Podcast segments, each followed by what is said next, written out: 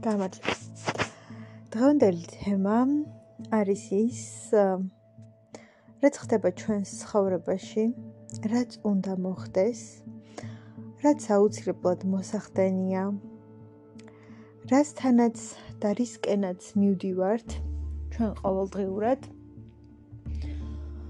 აა და ამ ყველაფერთან აა ჩვენმა გადაწყვეტილებებმა მიგვიყვანა თუ უბრალოდ საჭირო იყო რომ აქ მოსულიყავით, შემდეგ ეს ყველაფერი გვეფიქრა, გადაგვეწყვიტა და რაღაცნაირად თითქოს ჩვენი ცხოვრების თითოეული ნაბიჯი და ეტაპი მიდიოდა იქამდე, რომ აქ მოსულიყო. აა ზოგადად ჩემი აზრით ძალიან ბევრი საკითხი არის ისეთი, რომელზეც არის განსხვავებული წარმოდგენები და განსხვავებული შეხედულებები. ზოგიერთ ადამიანს შეერა და სწამს ბედის წერის, ზოგიერთი უარყოფს ამას, ზოგიერთს შეერა რომ თვითონ მართავს თავის ბედს და თავის ცხოვრებას და შესაბამისად თვითონ მართავს ყველაფერს, თვითონ იღებს გადაწყვეტილებას თითოეულ მის ნაბიჯზე. ზოგიერთ ბედის წერის წამს, ზოგიერთ ადამიანს ორივესი ერთად და ასე შემდეგ და ასე შემდეგ.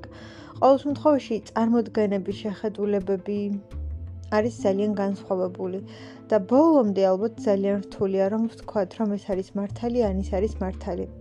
ყველა ადამიანს თავისი არგუმენტი აქვს, თავისი განმამტკიცებელი საბუთი თუ არ ვიცი, არგუმენტები და ნუ მოკლედ ყველა ძალიან მტკიცედ იცავს თავის მოსაზრებას. ან ხანდახან უბრალოდ ვერც იცავენ, უბრალოდ ასე შეერათ, ასე წამთ და მათი ცხოვრებისეული გამოცდილება არის ასეთი. მაგრამ ხანდახან მე მაგალითად მგონია რომ ჩვენ მივდივართ რაღაც კონკრეტული გზით ვდგამთ რაღაც ნაბიჯებს და შემდეგ ხვდებით, რომ რაღაცამდე მივედით. თითოეულმა ამ ნაბიჯმა, თითოეულმა ჩვენმა გადაწყვეტილებამ, თითოეულმა ჩვენმა ქმედებამ მიგვიყვანა რაღაცამდე და შემდეგ ხვდებით, რომ ამ რაღაცამდე თითქოს აუცილებლად უნდა მივსულიყავით. და ხვდებით იმასაც, რომ თითოეული ჩვენი ნაბიჯი და თითოეული ჩვენი გადაწყვეტილება და ის ყველაფერი, რასაც ვაკეთებდით, რეალურად მოდიოდა აქამდე. მოდიოდა ამ ყველაფერთან. შემდეგ ჩვენ ვიწყებთ ფიქრს იმაზე, რომ ეს ნაბიჯები იმიტომ გადავდგი და საერთოდ ეს ყველაფერი იმიტომ ხდებოდა ჩემს ცხოვრებაში, რომ აქამდე მოსულიყავი და ეს მომხდარიყო და თითოეული ნაბიჯით აქეთკენ მოვდიოდი. მიუხედავად იმისა, რომ ეს არისო გააზრებული ან ამას ესე ვერ აღუქვამდი და გამიზნულად არ მოვდიოდი, უბრალოდ თითოეულმა ჩემმა ქმედებამ, ნაბიჯმა, საქმემ და სიტყვამ და ყველაფერმა მიყვანა აქამდე. და შემდეგ ფიქრობ იმასაც, რომ თითქოს ყველაფერი მართლა ისე ხდებოდა და ისე მოდიოდა, რომ შენ აქ აღმოჩენილიყავი და აქ მოსულიყავი. და თითქოს შენი ყოველი ფიქრი რაღაცნაირად აქეთ აქეთ მოდიოდა.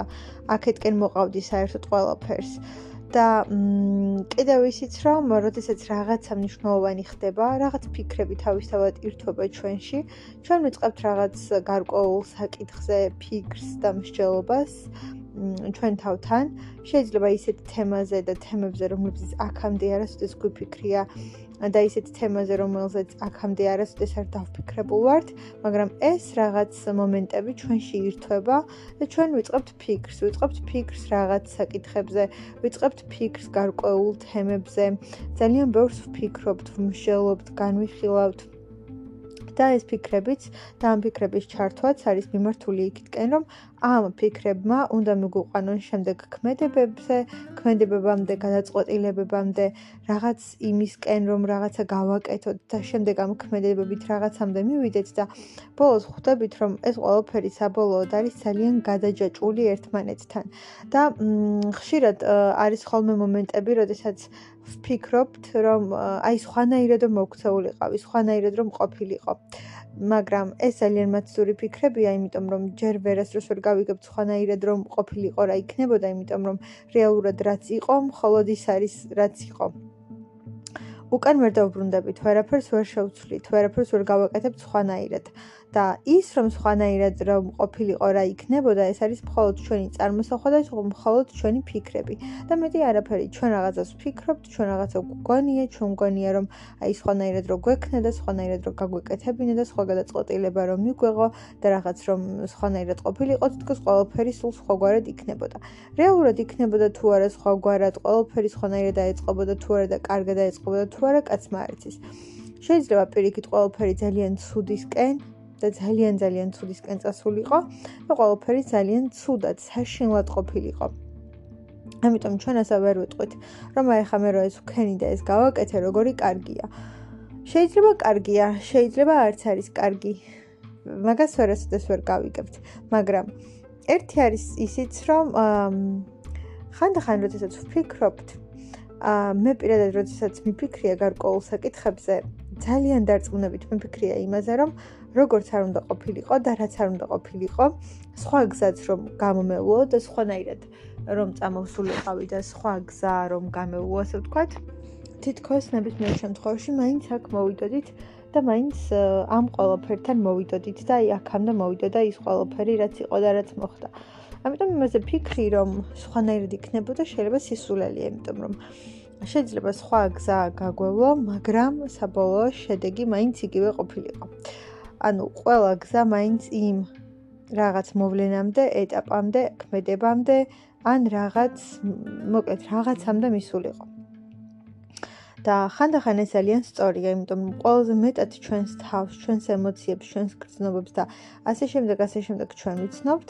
და თუ ვფიქრდებით, რომ ეხა ესე რომ გამეკეთები და მე თუ კარგად მიყვებით თოულ შენს თვისებას, იმას ამას, სად როგორ მოიქცევდი, რას გააკეთებდი, რა სიტყოდი, როგორ იზამდი, შეიძლება მიხვდე, რომ მაინც იქამდე მიხვიდოდი, სადაც რეალურად ხარ და სადაც მიხვედი. უბრალოდ სხვა გზას გაივლიდი.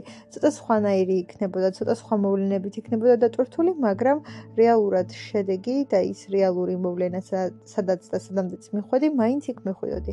მაინც იქ ამოყავდი თავს და მაინც ასე მოხდებოდა ეს ყველაფერი.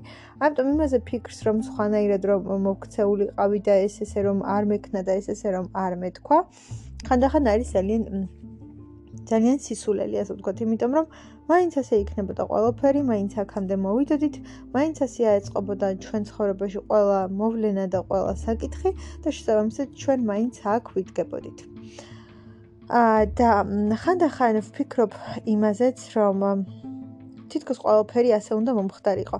რაღაცები ხდება, რაღაცები არ ხდება, რაღაცები ძალიან გაჭიანურდება ხოლმე ჩვენ ცხოვრებაში, გვინდა ჩვენ გვინდა გვინდა ველით, მაგრამ რაღაცები არ ხდება და შემდეგ მივდივართ რაღაც ეტაპამდე. და ხვდებით, რომ აი აქ უნდა მოვსულიყავი, იმიტომ რომ აქ ეს გადაწყვეტილება უნდა მიმეღო, აქ ასე უნდა მეფიქრა, აქ ეს უნდა მომხდარიყო, აქ ეს უნდა შემთხვეო და ამ შემთხვევას და ამ რაღაც მოვლენას ძალიან ბევრი რამ უნდა შეეცვალა ჩემს ცხოვრებაში. უნდა შეეცვალა რაღაცა წარმოდგენები, შეხედულებები, დამოკიდებულება. და ასე შემდეგ, ასე შემდეგ და მე უნდა ყოფილიყავი ცოტათი სხვანაირად. მე უნდა ყოფილიყავი განსხვავებული დამოკიდებულებით, განსხვავებული მიდგომით, განსხვავებული რაღაცით და მე აუცილებლად უნდა მოსულიყავი აქ და აქამდე. მე აუცილებლად უნდა ყოფილიყავი აქ და აუცილებლად ეს ყველაფერი უნდა მომხდარიყო ჩემ ცხოვრებაში. იმიტომ რომ თითოეული ჩემი ცხოვრების ეტაპი, ნაბიჯი გზა ქმედება მოდიოდა აქამდე თითოეული ჩემი ნაბიჯით მე მოვდიოდი აქამდე თითოეული ჩემი გადაწყვეტილება მოდიოდა აქ და აქამდე და ყველაფერი თითქოს იყო იმისთვის და ხდებოდა იმისთვის რომ შენ აქ ყოფილიყავი დღეს აქ მდგარიყავი ეს გადაწყვეტილება მიგიღო მიგეღო და თითოეულ რაღაცას მოყავდი აქამდე და როდესაც რაღაცა უნდა მოხდეს ან რაღაც გადაწყვეტილება უნდა მივიღოთ და რაღაცა ცოტა ისეთი არის ჩვენ სანამ ეს ყველაფერი მოხდება და გავაკეთებთ, რაღაცა ფიქრები თავისთავად ირთვება ჩვენში. ჩვენ ვიწყებთ გარკვეულ საკითხზე ფიქრს. ძალიან ბევრს ვფიქრობთ, ვფიქრობთ და ეს ფიქრები თავისთავად ირთვებიან. და ვერ ხვდებით, რატო დავიწყეთ ასე უცბად მოულოდნელად და უეცრად ამ თემაზე ფიქრი. რამ გამოიწვია? მე მე ხვდებით, რომ აი ამ ფიქრებმაც რაღაცა უნდა გააკეთონ ასე ვთქვათ, რაღაცა უნდა ქნან, გამოიწვიონ, რაღაცამდე უნდა მიგვიყვანონ. ეს ფიქრები მიდის რაღაცამდე. მე მოყვება ამ ყველაფერს ქმედებები.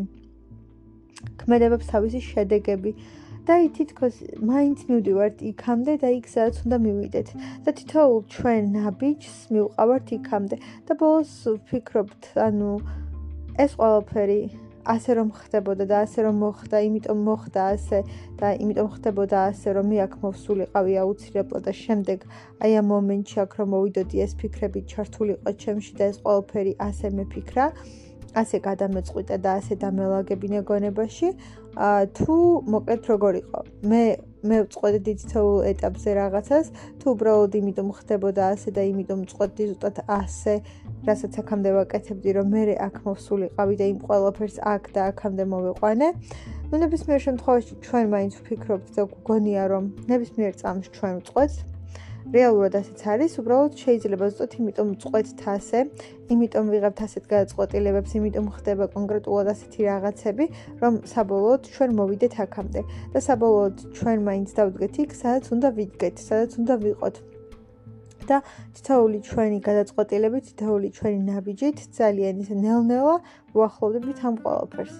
დღევანდელი პოდკასტი ცოტა არეულია, ცოტა აბდაუბდა, მაგრამ რაღაც მის თქმა მინდა და რომ ხანდახან ძალიან ბევრს ვფიქრობ ხოლმე იმაზე, რომ ასე იმიტომ ხდებოდა და იმიტომ ვიქცეოდი, რომ რეალურად აქამდე მოვსულიყავი, მე ვფიქრობდი, რომ ანუ ასე ეხლა იმიტომ ვაკეთებ, რომ რაღაცა რაღაცა თითქოს არაფერი დიდი მიზეზი და დიდი რაღაცა არ სჭირდებოდა ამ ყველაფერს, მაგრამ როდესაც უკვე რაღაც უფრო დიდ თან მიხვალ, სადაც ხვდები, რომ აი ახლა გადაწყვეტილება უნდა მიიღო, ან რაღაც უნდა გააკეთო, მაგრამ იმასაც ხვდები, რომ შეიძლება ასე იმიტომ ხდებოდა, ასე იმიტომ ფიქრობდი და ასე გადაწყვეტილებებს მხოლოდ იმიტომ იღებდი, რომ შენ დღეს აქ მდგარიყავი, რომ შენ დღეს აქ დამდგარიყავი და რომ შენ ეს ყველაფერი გადაგეწყვიტა, გეფიქრა, მიგეღო და ეს ყველაფერი ყოფილიყო და მომხდარიყო შენ ცხოვრებაში.